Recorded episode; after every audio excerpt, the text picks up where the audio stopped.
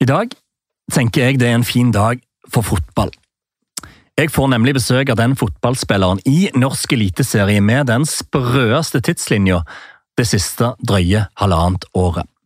Jeg får besøk av han som spilte på nivå fire sommeren 2020. Som sendte tekstmelding til en sportssjef i førstedivisjon.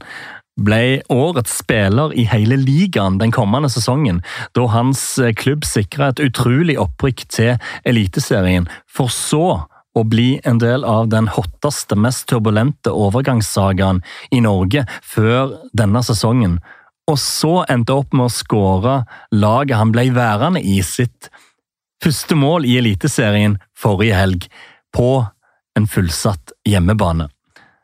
Og han har gjort alt dette mens han har jobba i barnehage, fordi barna gir så mye glede og energi til et uh, hode som har vært igjennom og stått i så mye motgang at han egentlig burde lagt opp for lengst.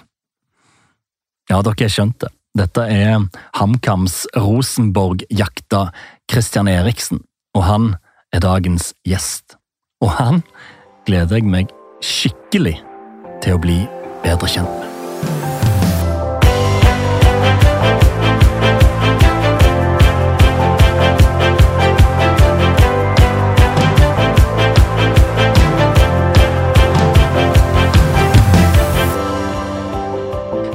Navn? Christian Eriksen. Idrett? Fotball. Moderklubb? Løten fotballklubb. Løten, så ikke HamKam, altså? Nei, ikke HamKam. Eh, født eh, i Løten, så her på Elverum sjukehus. Og tilbrukte mine første år i Løten. Skjønner. Første konkurranseminne? Nei, det må nok bli når jeg fløy ut på eh, Løten-matta, da. Med, med, kompiser. På når jeg var fire år, var det vel. Så ja, jeg tenker det. Er det sånn du har et klart minne av? Ja, jeg føler at det er ganske klart minne, med tanke på at uh, vi fikk knøte på deg fotballskoa, tatt på leggskinna og ja, fløg rundt der med kamerater som uh, du ja, var glad i. Kult. Største opplevelse som uh, fotballspiller? Nei, det må nok ha blitt opprykket med HamKam nå i 2021 til Eliteserien. Ikke overraskende. Hjertelig velkommen til våre vinnere, Kristian Eriksen. Takk for det.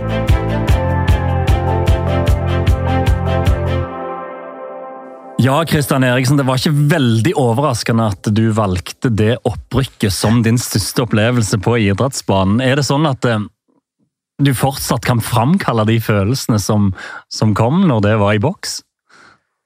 Åh, oh, ja, si det. Det det var en uh, skikkelig barndomsdrøm og uh, altså Med tanke på alle timer og alle Alt du har jobba for uh, opp gjennom åra, og alle de gangene du har vært på Briskeby og sett, sett de eldre gutta blø for drakta og, og ja, krigen seire eller krigen poeng. og nå var det du som sto på matta og hadde bidratt med å endelig få klubben uh, i ditt hjerte opp igjen til uh, Eliteserien uh, etter ja, 14 eller 13-14 år. Og Nei, det var gåsehud fra stortåa til øverste hårstrå på hodet, tror jeg. Så en helt fantastisk opplevelse. Når er det en begynner å drømme om slike øyeblikk? Altså, du snakker om at du starta i Løten som fireåring. Hvor tidlig begynner sånne ting å bli en del av horisonten? Nei, det er nok Det var nok uh, allerede kanskje fra ja, mellom eh, sju til tiårsalderen, kanskje. At eh, jeg fikk eh, oppleve å være på Briskeby og, og, og se, på, se, på, kamper og, og, ble veldig bitt av basillen der. Og, liksom Ja, det å kunne oppleve det, eh, det hadde vært utrolig stort. Så jeg tror jeg begynte å drømme om det allerede da. Nå sitter du her som um, eliteseriespilleren Christian Eriksen. Uh, hvordan er det? Nei, det er litt uh, rart å tenke på, med tanke på uh, litt av den veien jeg har hatt inn til toppidretten. det har vært en lang vei, men det er utrolig kult å være der jeg er akkurat nå. Så, så jeg nyter øyeblikket. Og en ting eh, Må jo bare ta det med en gang, for en ting er jo at du er eliteseriespiller, en annen ting er at du Du ble plutselig den det hotteste navnet på overgangsmarkedet i Norge da du ble linka til, til Rosenborg. og altså Bare halvannet år etter du var i Elverum på nivå fire, så er du plutselig hot som bare det, eh, og er ønska av de største klubbene i Norge. Hvordan var det plutselig havna i den spotlighten der for deg? Nei, det var eh, Det var jo selvfølgelig litt eh, uvant, men jeg føler òg at jeg har vært en målretta person som har jobba hardt over mange år, og at, at jeg nå har funnet den riktige nøkkelen som har eh, åpna, åpna mye, mye forskjellige og morsomme, spennende dører. Så Men eh, hvis jeg tenker tilbake på ett og et halvt år så, siden, så, så hadde jeg ikke trodd at det skulle gå så fort. Det hadde jeg ikke. Men Hvordan syns du den siste tiden har vært, da, med alt det, alt det, den oppmerksomheten og alt det skriveriet og pratet om Kristian eh, Eriksen-sagaen? Nei, jeg tenker at uh, det har vært uh, et uh, litt uvant trøkk også. Det tenker jeg. men men en, en, ting jeg også har syntes har vært spennende, først og fremst, og, og at jeg har brukt det brukt det som en motivasjon da, på at jeg har gjort mye riktig opp igjennom nå, og at at uh, det er et uh, steg i riktig retning, tenker jeg. Ja, det er det så definitivt. et langt steg i riktig retning for der du var for kort tid siden. Men hvordan, hvordan tenkte du da du først hørte om interessen fra Rosenborg? Nei, jeg tenkte jo at, uh, at dette var en utrolig stor og kul mulighet for meg. Uh, det er jo noe man har tenkt på siden man var liten, og med tanke på uh, hver gang jeg var hos bestemor, så, så var det én ting som var på skjermen på søndager, og det var uh, Rosenborg på TV-en. Og hun var utrolig Rosenborg-supporter, og, og, og ja, alt, all på en måte historie og hvor stor klubb Rosenborg er, så, så føler jeg jo på en måte at uh, dette var en uh, utrolig stor og kul mulighet uh, for min egen del. Og ja, nei, noe jeg er stolt over, da. Å kunne, kunne få sjansen, eller kunne ha fått sjansen uh, i Rosenborg. Det, det, hadde vært utrolig kult. Og Hvordan var da den limboen med at du var eliteserieklar for, for HamKam, klubben du har spilt i hele livet, og så kommer det tilbudet? Var det noen tvil om hvor du ville ønske at foten ble satt som neste steg?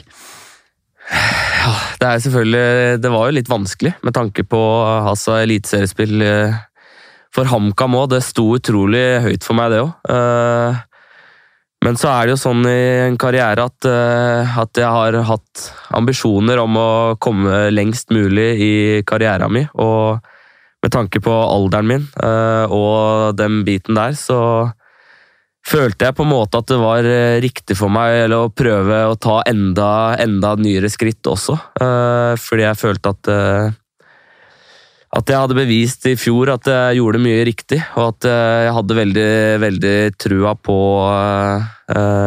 prosjektet med både Kjetil og Geir også, og jeg syns det var veldig spennende.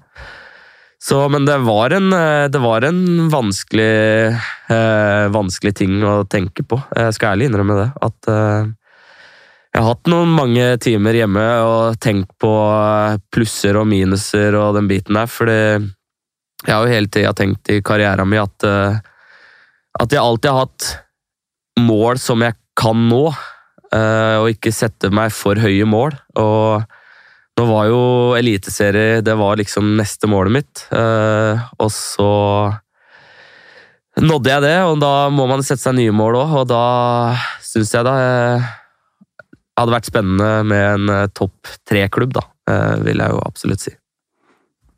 Og så sitter du da hjemme i hus eller leiligheten, jeg vet ikke uh, Leilighet, ja. Leiligheten. Og er på treningsfeltet til HamKam og ser at det ene budet tikker inn etter det andre. Og HamKam uh, sier nei, de vil ha deg i klubben. Hvordan opplevdes den situasjonen der? Med all det trykket det var rundt det, og skriveriene. Og nå var det ikke bare HA, nå var det TV 2 og VG og NRK og hele det norske media. Ja, nei, det var en uh, ny situasjon for meg. Uh, men uh, det er litt som jeg har sagt til noen nå, at jeg føler at det òg har vært en bekreftelse på all innsats jeg har lagt gjennom mange år, og at Og at At jeg ja, eller var, det var jo mye trøkk med tanke på kanskje med, liksom, med å uttale seg rett da, og den biten der. At, uh, at man måtte tenke gjennom nøyere hva man skulle si. Uh, og uh, skal jeg ærlig innrømme at jeg hadde kokt huet i løpet av noen kvelder der. Det, ja. det, var noen kvelder hvor jeg følte at jeg var helt tom for ord. og man går jo veldig og tenker på hva hva man skal si, da, og at man skal gjerne si det riktige og den biten der. Eh, men, eh, men heldigvis har jeg et utrolig godt sovehjerte, og, og så føler jeg at, at jeg fikk dratt frem igjen uh, en uh, fin Hva skal jeg si En fin teknikk som jeg har brukt før, da, med tanke på når, uh, når faren min gikk bort, at nå fikk jeg brukt fotballen igjen på, eh, på det jeg gjorde når pappa gikk bort, og det var å ha et fristed. Eh, et sted hvor, hvor, når jeg først er på feltet, så er det kun fotballen eh, jeg tenker på. Og da føler jeg at uh, etter treningen så fikk jeg løfta, eller klarna hodet helt igjen, og at uh, da var alt uh, på en måte trøkket og den biten er lagt litt til side. Fordi på feltet så føler jeg at da får jeg lufta hodet. Hm. Men hva var det som var vanskeligst? Nei, det var nok det å øh, og, Og det å tenke gjennom hva man skal si, da. Og det å liksom Ja, å finne de rette orda. Eh, journalister og og er jo veldig flinke på å kunne grave for å få det klikket de vil ha. Og, og du må ha hodet på rett plass da, hele tida. Eh, så det var nok det vanskeligste. Så kommer det jo masse reaksjoner på ting i kommentarfelt og i artikler med folk som mener du er hodet på feil plass, og at du sier ting feil, og hvor ble det av eh, gutten som skulle blø for HamKam? Lar du deg påvirke? Nei, altså, jeg føler da at uh, at uh, at jeg har betydd mye da, for, uh, for HamKam og fansen og den biten der, og at, at jeg bruker det heller som en motivasjon da, til å, til å motbevise at jeg har fortsatt lyst til å ha fokus og, og heller vise det ute på bana, da, med at jeg har hodet på rett plass. Og det føler jeg at jeg fikk eh, vist eh, fint eh, i den situasjonen jeg var i òg. Det var jo mye, mye, rundt meg, men jeg følte at jeg viste det på feltet, og, og at jeg viste det i treningskamper, og nå spesielt serieåpninga. Jobbet du mye med å, å snu et mindset, eller kom det bare naturlig for deg? Nei, jeg føler at øh, øh, At jeg har uh, fine støttespillere rundt meg i hverdagen, med både gode kamerater både på Briskeby og, og kompiser i Hamar her generelt, pluss familie og venner. Og at uh, Ja, nei, at jeg, eh, at jeg heller snur om eh, det negative til å bli en motivasjonsfaktor, da. Eller en Eller et Ja, nei, jeg vet ikke hva jeg skal mer jeg skal fortelle rundt det, sånn sett.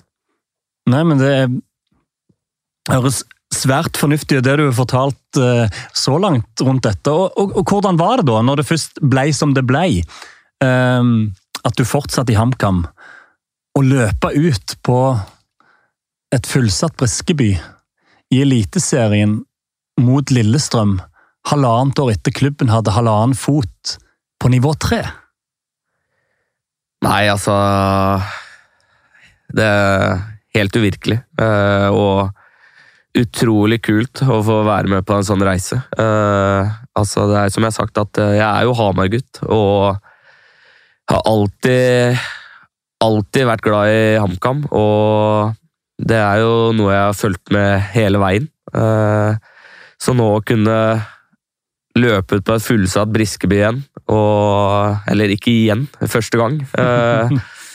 Eh, men eh, å være ute på matta da, istedenfor å stå på, på, på tribuna, det, det er noe jeg kommer til å ta med gjennom hele livet mitt. Det er noe jeg er utrolig stolt over. og utrolig kult å få være en del av. det. Hvordan opplevde du, hvordan opplevde du selve kampen? Nei, en uh, utrolig morsom førsteomgang hvor vi uh, Hvor vi viser at uh, vi Ja, eller hvor jeg føler da, at vi viser at vi har noe vi kan komme med i Eliteserien. Og at vi har klart å videreutvikle oss fra i fjor med tanke på den biten, men jeg føler at vi har Det føler jeg vi får vist i første omgang her, mens andre gang så så ser man det at det er et nivå opp med tanke på kvaliteter, og at slipper man seg ned i 10-15 minutter i en kamp, så, så smeller det fort to, to, imot, som det gjorde i det her tilfellet. Og at man må være på tå hev hele veien og være, ha fullt fokus. Så, og det er noe vi må jobbe med videre på feltet òg. At, eh, at eh, vi, må, vi, må, fortsette å trene bra og ha fokus gjennom hele treninger. Ellers så detter man fort, eh, fort ned i kamp også, hvis man ikke har fokus hele økta på treningene også. Så det vil vi ta med oss som lærdom videre. Kult. Jeg vil jeg vil etter hvert helt tilbake til hvor det, til det starta, men før vi skal helt tilbake, så vil jeg tilbake til, til sommeren 2020. Eh, da du var i Elverum, og det var pandemi, og du var litt i villrede. Og så starta det med en, en, tekstmelding, gjorde det ikke det? Jo. Har du den tekstmeldingen på telefonen, eller? Jeg har den på Messenger, ja. Stemmer. Eh, for da er det sånn at eh, sportssjef Espen Olsen mm. får en melding fra deg, ja. eh, som du nå sitter og finner fram. Hva var det som sto i den meldingen? Nei, det var 17. august 2020. Klokka faktisk 21.32 på kvelden. Uh, der skrev jeg 'God kveld, Espen. Jeg har et spørsmål til deg.' Og det handler om en ivrig hamarsing som har både vokst opp med HamKam og spilt gradene oppover og opp til A-laget, før turen gikk videre. Jeg spiller per dags dato i Elverum fotball, men der står det stille. Og sesong ser det ikke ut til å bli. Jeg har alltid vært 110 og blør mer enn gjerne for moderklubben. Spørsmålet fra meg da blir om det hadde vært interessant for en videre samtale, prat slash møte. Med vennlig hilsen Christian Eriksen. og og hvordan var responsen på den meldingen? Nei, den fikk jeg ikke svar på. den fikk jeg vel svar på 2. november 2021, da. Så over et år etterpå. Men eh, nei da, eh, Olsen han ringte meg vel Jeg husker ikke om det var kanskje tre eller fire eller fem dager etter, etter den meldinga, så jeg fikk ikke svar på den med en gang. Så da var det jo tanke på ok, eh, å prøve å gå videre igjen, da. Og kanskje litt innover mot Oslo, da. Med tanke på at jeg hadde jobb ved siden av. Ja. Men så kom du deg på, på treningsfeltet til, til HamKam. Og, og, hvordan var de første, de første ukene der? Ja, det var, eh, det var, jo spennende. Det var jo litt Jeg hadde, var jo litt nervøs òg. Og jeg hadde jo ikke fått spilt kontaktfotball siden 12. mars. Så det begynte jo å bli en god stund siden jeg hadde hatt, hatt det. Men jeg hadde utrolig bra bra Eller vi var en trio på, som trente veldig godt på Børstad uh, gjennom eh, hele, hele, pandemien. Og, så jeg følte at jeg hadde kondisjonen, uh, og at uh, At jeg mangla kun det å, å være, spille i kontakttrening igjen. At det var det som mangla. Så første uka så er det jo som Kjetil har fortalt i ettertid, at det spratt baller hit og dit. og og, men heldigvis så kom det seg fort, så i uke to så følte jeg at jeg allerede var uh, mer uh, inni det. da. Du nevner det med trening og, og gjøre deg klar der, for da var du i en situasjon der du uh, ja, du var i Det var pandemi. Du var, var du permittert fra jobben òg, eller i barnehagen? Nei, bare Nei. fra Eller jo, jeg var jo permittert en stund i barnehagen også. Det var jeg. Ja. ja. Og da Hvordan er det treningsregimet, da? Nei, det var jo I starten så føler jeg at uh, vi følte jo veldig Vi hadde jo trent veldig bra egentlig i preseason med Elverum. og følte oss veldig klare. Vi hadde mye bra resultater i, i starten av uh, Og vi var, var, en gjeng som hadde lyst til å rykke opp igjen til, til andredivisjon. Og var en veldig ivrig gjeng i starten, hvor vi trente og ja, la ut på sosiale medier og WhatsApp med tanke på hva vi hadde gjort, og, og pusha hverandre fint der. Eh, men så var det jo de liksom At man tenkte ja, nå åpner det igjen, og at uh, nå er det mulighet for å samles igjen. Men så kom det da nye meldinger at nei, dere får ikke noe svar før neste måned, med tanke på sesong og den biten der. Og det var jo alltid et lite smell i, smell i trynet, men uh, det verste var nok når vi da gikk inn mot sommeren der. Jeg husker ikke om det var i juli, eller uh, Og da sa de da at uh, at nei, vi kan ikke åpne noe mer nå, men dere får svar om to og et halvt måneder igjen. Og da, for den uka, så fikk vi faktisk Da åpna Elverum for Så vi trente trente sammen, da, i hvert fall. Uh, og hadde en uke felles der uten kontakttrening. Men uh, bare det å samles igjen var i hvert fall uh, en liten motivasjon. Men da så jo vi, vi tre som var fra Hamar, da, vi så en liten forskjell på den jobben vi hadde lagt ned da, i Hamar, forhold til noen da i Elverum som dessverre hadde Eller ikke dessverre, men som hadde mista litt motivasjon. da, ja. Og at at jeg følte vi lå et hakk over da, med, på treningsfronten, sånn sett. Uh, uh, men det ga en videre motivasjon for oss òg, å prøve å, ja, å fortsette, da. Men den uka etter den beskjeden, da var det da gikk det noen tankeprosesser, det skal jeg ærlig innrømme. Med tanke på om Om du skulle gi deg? Nei, ikke gi meg, men om jeg skulle da vente til neste år, eller om jeg skulle Hva jeg skulle gjøre, da. Men så følte jeg at jeg var i en alder, da. Eh, 25 år. Og, og, i tillegg da lagt ned så mye egentrening. Jeg hadde jo i hvert fall Vi trente nok fem-seks dager på, på Børstad, eh, hvor tre av dem var harde intervaller. Uh, og fotball hver dag i tillegg. Uh, så jeg følte det å kaste bort et helt år uh, At det, det, kunne jeg ikke gjøre.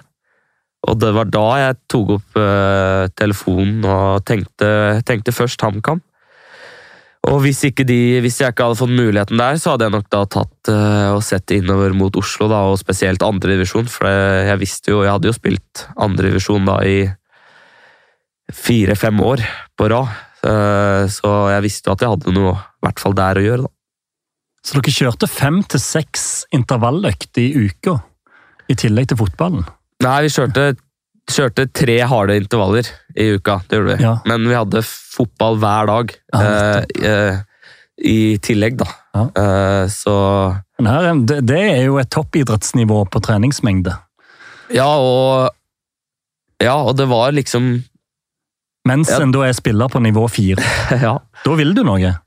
ja det føler jeg jo. At, uh, at vi Og jeg hadde med meg to To eh, To spillere også som var veldig interessert i å, å, å nå videre i karrieren sin også. Eh, Så det er jo morsomt å se ja, at eh, han eh, Ådne Midtskogen han er i Egersund nå, og Jan Inge er i. Egersund, Egersund, ja. det er min by. Det er min by. ja. Så, og Jan Inge er i Elverum ennå, men det er to gutter som også ønsker å legge ned en innsats. da. Ja, det er kult.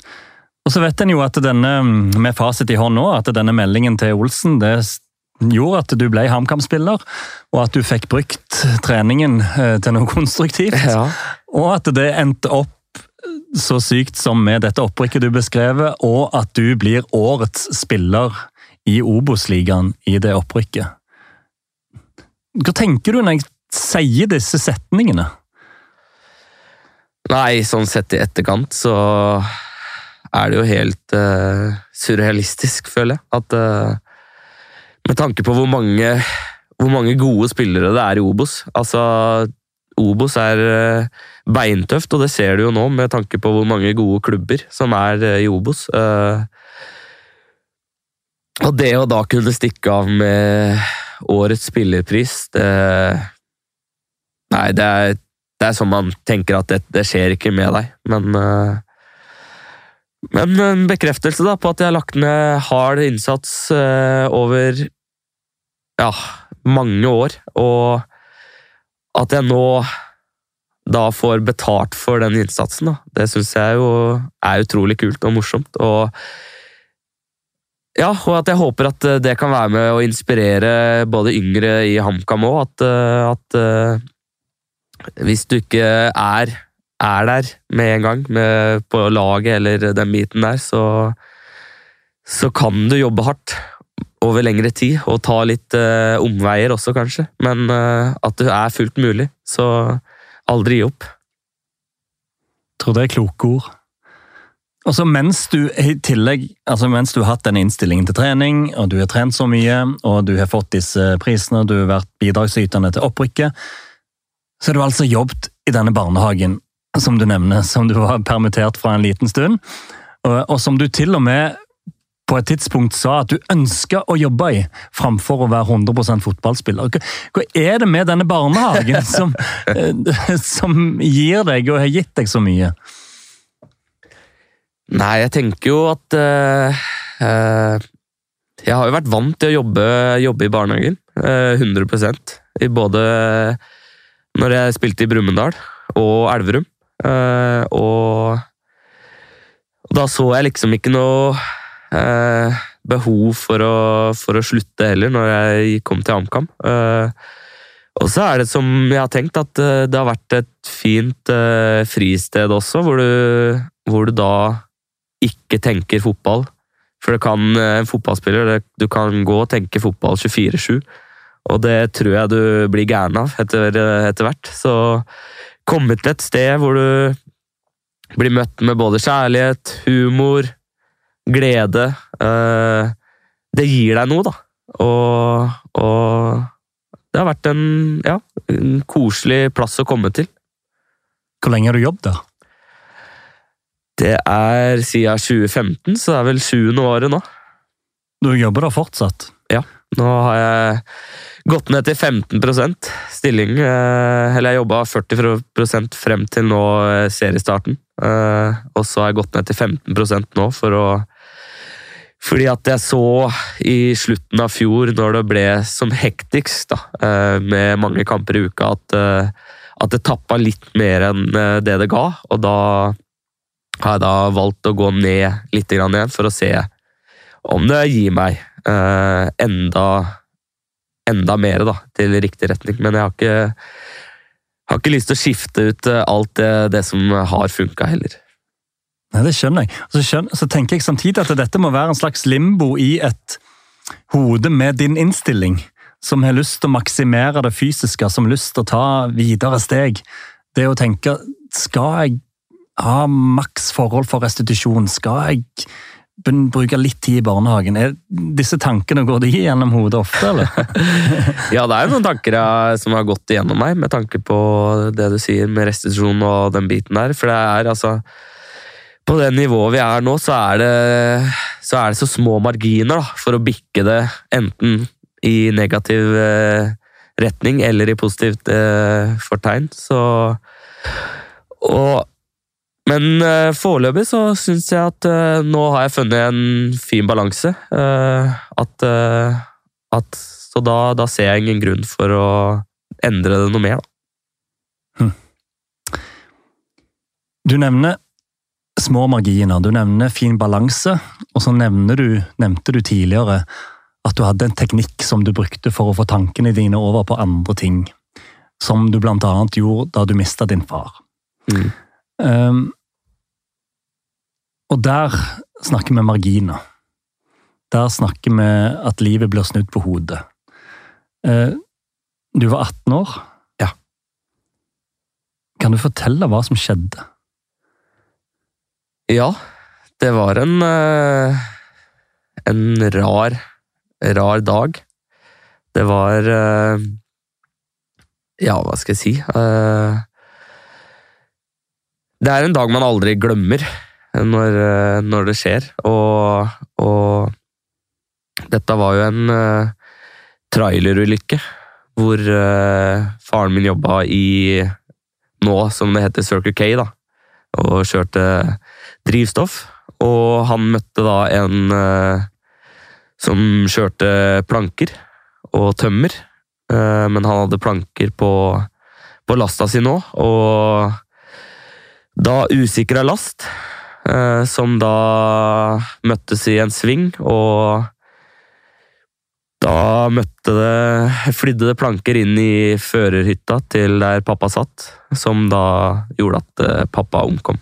Eh, og dette skjedde vel rundt halv elleve på morgenskvisten, eller på morgenen. Og det tok jo litt tid før moren min fikk beskjed på jobben. Uh, og søstera mi hun skulle ned til byen i Hamar, så hun skulle bare parkere sykkelen inne hos uh, mora mi. Og dette var da sikkert halvtime etter uh, mamma hadde fått dødsbudskapet. Så hun hørte jo mamma strigråte i, i, mens jeg gikk opp til kontoret, og skjønte jo da at det var noe. Men jeg var på skolen enda, på studiespesialisering med toppidrett på Katta. Og de hadde ikke lyst til å komme dit og gi meg budskapet. Uh, og det er jeg veldig glad for egentlig i ettertid også. Uh, og de Så de reiste hjem og venta da til kvart over tre, for jeg var ikke ferdig før kvart over tre. Uh, hvor de da sendte meg en melding om at jeg måtte komme hjem. Uh, og så sa jeg at nei, det har jeg ikke tid til akkurat nå, nå skal jeg bli noen kompiser hjem. Uh, men så skrev de nei, du må komme hjem nå, Kristian. Og da tenkte jeg at, uh, at, at oldemora vår kanskje hadde gått bort, fordi hun var 96 år da. Så jeg reiste hjem, og så husker jeg når jeg da kjørte oppover gardsplassen, at, at jeg så prest og onkelen min da, som møtte meg. Eh, hvor han da sa at eh, Christian, faren din er død. Og, og, der og da husker jeg at jeg bare mista fotfestet, og at jeg bare knakk. Knakk helt sammen. Uh, det var en så rar, rar følelse å beskrive, og en rar situasjon å stå i. og alle tanker du tenkte på har det skjedd? Er det, er det, er det, er det min pappa? Uh, og den biten der. Uh, og alt du tenkte på med tanke på kvelden før, hvor vi da egentlig satt og bestilte russeklær sammen. Og jeg husker jo at, uh, at klokka ble nærmere halv tolv, og jeg visste jo at han skulle på jobb eh, klokka Han pleide jo å stå opp fra alt mellom tre til ja, fem, da, eller kanskje senest fem.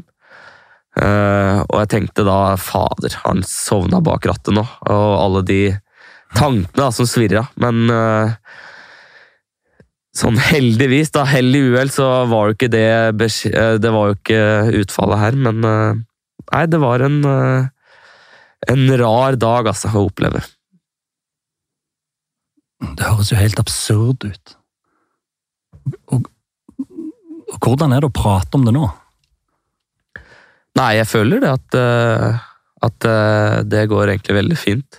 At jeg på en måte har gått videre, og, og at jeg fint kan prate det om nå. Men det var jo noe som spesielt moren og tanta mi var veldig bekymra over i starten. At, at jeg prata ikke spesielt mye rundt det. Jeg, jeg tror jeg alltid har vært en sånn person som har uh, kverna mye sjøl i hodet. At jeg har brukt, brukt spesielt da trening og, og fotballen uh, på, på å få ut mye uh, av både frustrasjon og aggresjon og ja, den biten der. Så at jeg heller har brukt, brukt å få det ut da, på den biten, istedenfor å sitte og snakke om det. Men uh, den dag i dag så jeg, kan jeg fint snakke om det. Men hvordan reagerte en 18 år gammel Christian på dette? da? Hvordan var du i, i, i tiden etter? Hvordan hadde du det? Nei, selvfølgelig. Det var jo veldig tungt. Uh, tung beskjed å få. Uh, og vi hadde jo en hund, uh, schæferhund, som var veldig knytta til pappa. Og, og, da visste jeg at jeg hadde en lillesøster og en mor da, som hadde det veldig tungt, og at at jeg Jeg skal ikke si at jeg fikk det ansvaret, men jeg følte jo at jeg hadde et ansvar for å ta vare på både spesielt da lillesøster og, og hunden vår. Så det ble jo på en måte en liten papparolle, da. Selv om det er rart å si. Det er veldig rart å si, men jeg følte at nå var jeg jeg som var mannen i huset, og at, uh, at jeg måtte vise at uh, at du er sterk, og at, uh, at at jeg brukte hverdagen på Eller få tilbake hverdagen på å komme meg videre. Og jeg husker jo at jeg spilte fotballkamp borte mot Kongsvinger. Allerede tre dager etter pappa gikk bort, for å prøve å ta tilbake hverdagen. Og at jeg var på skolen igjen ja, kanskje fire dager da, etter pappa hadde gått bort. Oi. Men hvordan var det, da, å gå ut på fotballbanen? Klar, klarte du da å å fokusere på det som skjedde der? Ja, jeg følte på en måte at uh, fotballen uh, Fordi når du, er, når du tar på deg drakta og går ut på matta, så, så er du på en måte så i en boble og har så fokus på hva du Eller orienterer deg hva du skal gjøre i neste fase. hvordan løp du skal gjøre, hvordan at du liksom Ja, du, du, tenker ikke på det som på en måte har skjedd, da, og det som er rundt deg. At da har du fokus på det du skal, på matta. Og, så jeg følte at det var veldig godt. Og, og, og selvfølgelig da at det HamKam ga meg, da, med både trygghet og at jeg var med mine beste kompiser på matta, eh, det, det hjalp jo meg, det òg. Men eh, sånn rett etter kampen og sånn, så selvfølgelig så kom det jo litt tilbake igjen, men uh, der og da så var jeg så, levde jeg så i det, og jeg visste at pappa hadde Ja, han ville, at, han ville ikke at du skal sette deg ned og og, og ja, at han, han, ville i hvert fall at du skulle bare komme deg, komme deg videre igjen. Jeg vet det med pappa, at uh, hvordan han var som person, og at uh, ikke sett deg ned. Kom deg videre istedenfor. Hvor var pappaen din for deg?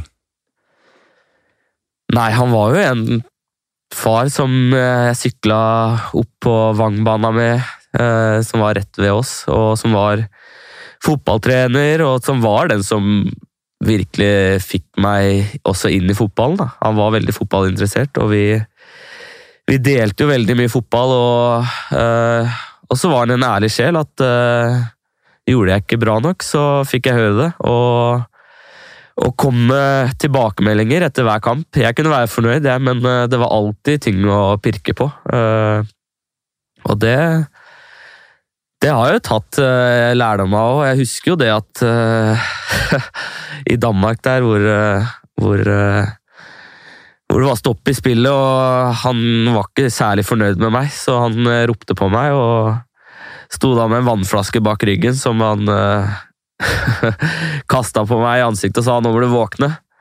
Så han, han kunne være brutalt ærlig, men Pappa var en uh, utrolig fin støttespiller og en, uh, en herlig pappa som, uh, som, var rolig og god og Nei, en viktig, en viktig, viktig støttespiller for meg, da, som, som, ga meg mye. Har du tenkt mye på hvordan han ville oppleve det siste året? ja, jeg tror han Jeg tror han hadde vært så overstolt at, at Uh, ja, jeg husker jo bare en sekvens hvor, uh, hvor jeg, vi var veldig glad i fiske sammen også. Og jeg, vi var i, på hytta i Rendalen uh, og, og, dro opp en Eller jeg dro opp en ørret på 2,3 kilo, og altså, det så ut som Askeladden som kom over brua der, med hvor stolt han var. Han hoppa og altså Han var så stolt, og yes, ja, akkurat det, det, bildet det tror jeg hadde sett på Briskeby hvis han hadde sett uh, spesielt den serieåpninga og det, det, året jeg hadde i fjor og den biten der. Han uh, Ja, nei, det hadde vært utrolig gøy å se det. Se det, se det for seg. Du smiler bredt når du snakker nå. Ja, jeg gjør det. Uh, jeg, jeg, ser den for meg ennå, og, og, det er som jeg òg har før kamp, at jeg føler alltid at jeg på en måte har med meg pappa eh, når jeg går inn på mattene. Og det, det er en, eh, en, deilig følelse å ha. Og en eh, ting jeg føler vi fortsatt har sammen, selv om han, selv om han ikke er her. Så Nei, det er eh, en fin måte å ha med seg pappa videre, tenker jeg. Så var det et øyeblikk Var det kampen der opprykket var sikra? Der du møtte onkelen din eh, etter kampen og, og gråt sammen med han. Hvordan var det? Nei, det er som jeg har prøvd å beskrive i etterkant, at uh,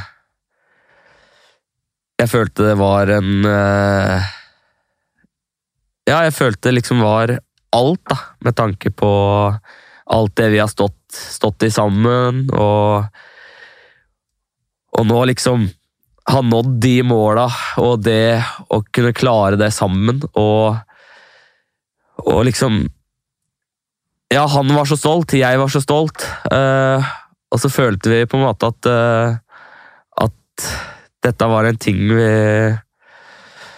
hadde pappa med i. da, At det, det, var mye, det, var så mye, følelser i akkurat den biten her at uh, jeg klarer nesten ikke å beskrive det. For det, nei, det, var, det var utrolig morsom, eh, morsomt og deilig følelse samtidig.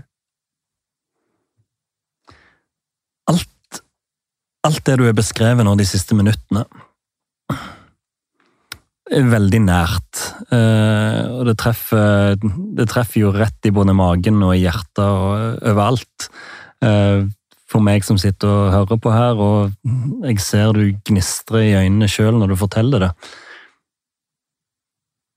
en overgangssaga med Rosenborg, det betyr jo ikke en dritt i denne sammenhengen. Nei, det, det fins andre ting i livet, og, og det er Ja, det er jo som man tenker på, at uh, Bruk uh, hverdagen og vis dem du er glad i det, at du er det. At, uh, at du, vet, du, vet, du vet aldri hva morgendagen bringer, da. Og det, det, er et viktig budskap, tenker jeg. Hvordan bruker du det i, i hverdagen? Både som person og som, som fotballspiller? Nei, jeg tenker jo at eh, Og det å liksom vise, vise andre da, at, eh, at de betyr noe, at eh, at du liksom har lyst til å gi dem en god dag, da.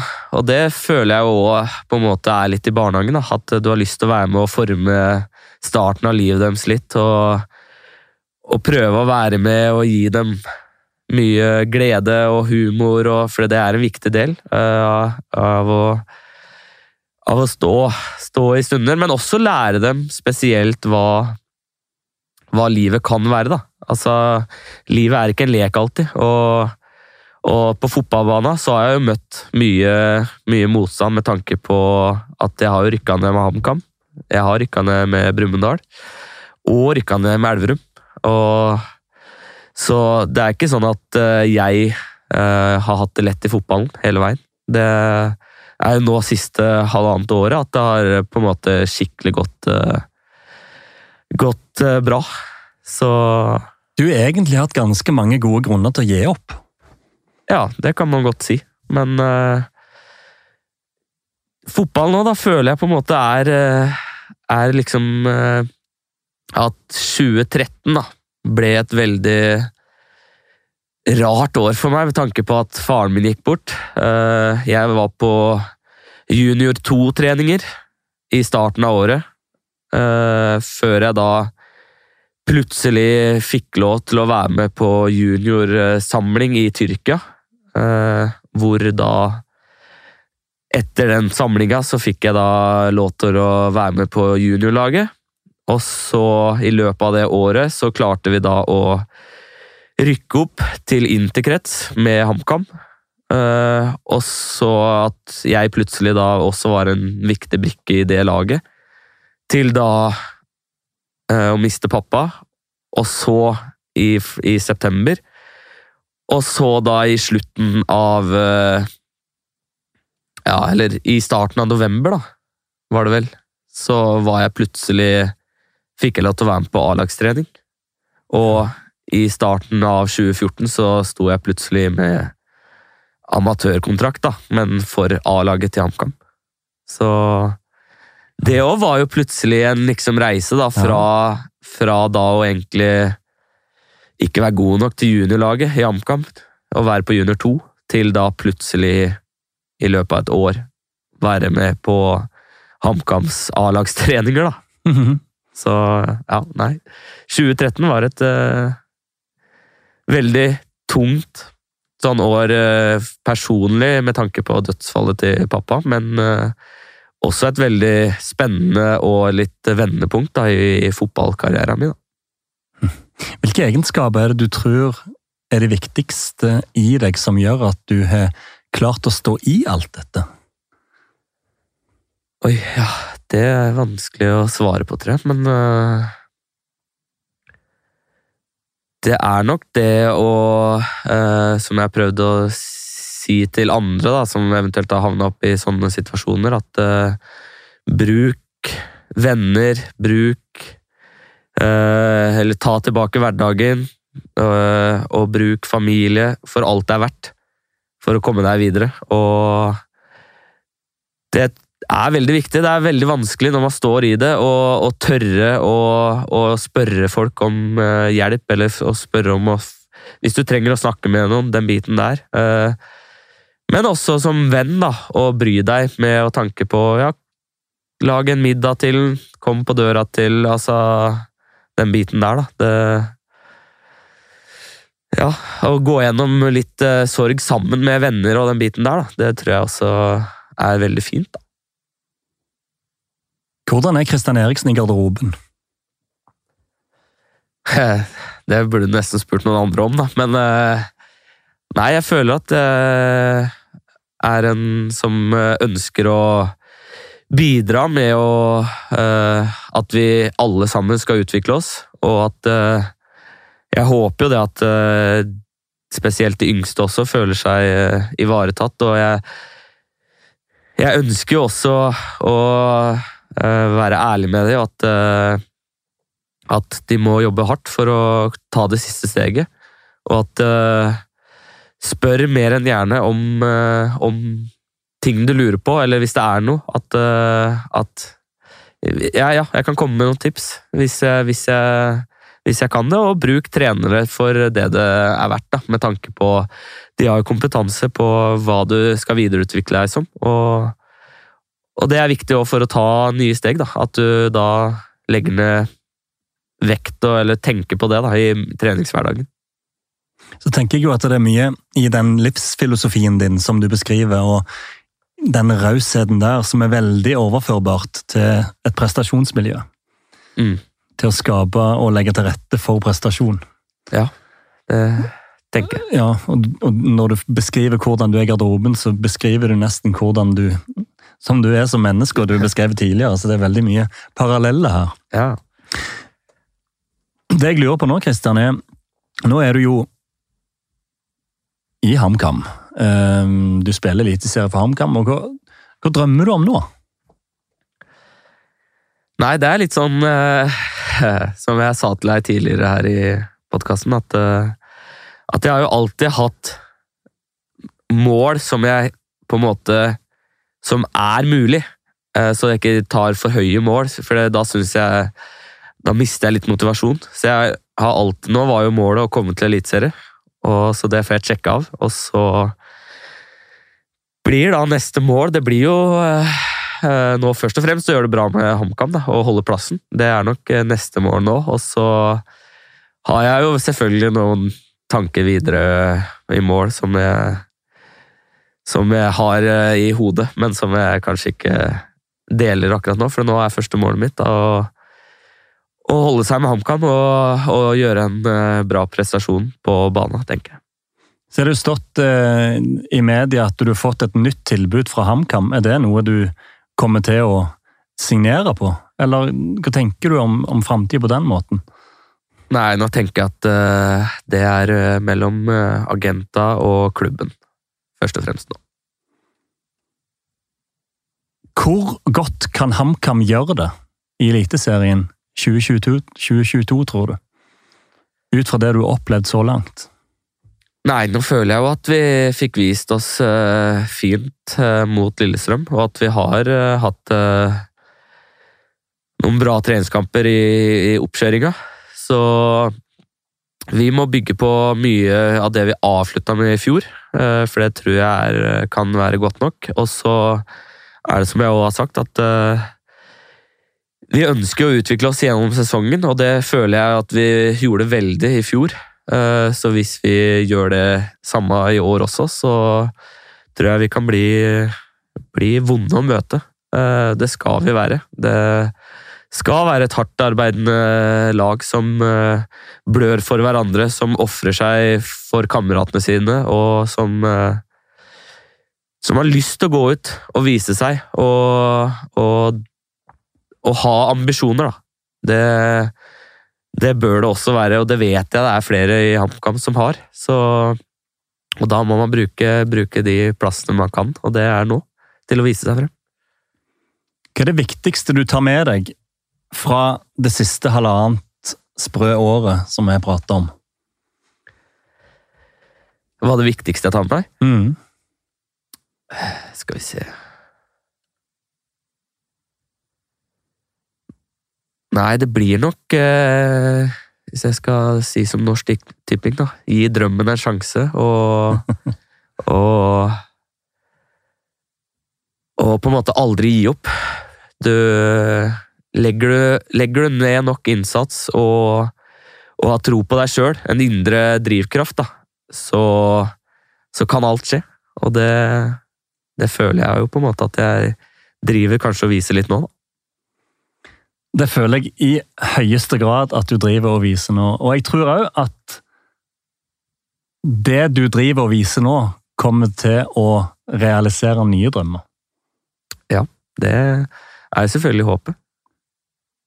Både der du er nå, og kanskje andre plasser i framtida. Hvem vet? Sånn er fotballen. Sånn er idretten. Ja, Og det vil tiden vise, tenker jeg da. Det vil det. Den siste timen har i hvert fall vist meg og lært meg mye om hvem du er. Eh, Det har vært en veldig fin time. Det har vært veldig hyggelig å være her også. Så tusen takk for at du kom til, til våre vinnere, Kristian Eriksen. Takk for at jeg fikk komme. Og lykke til videre. Takk.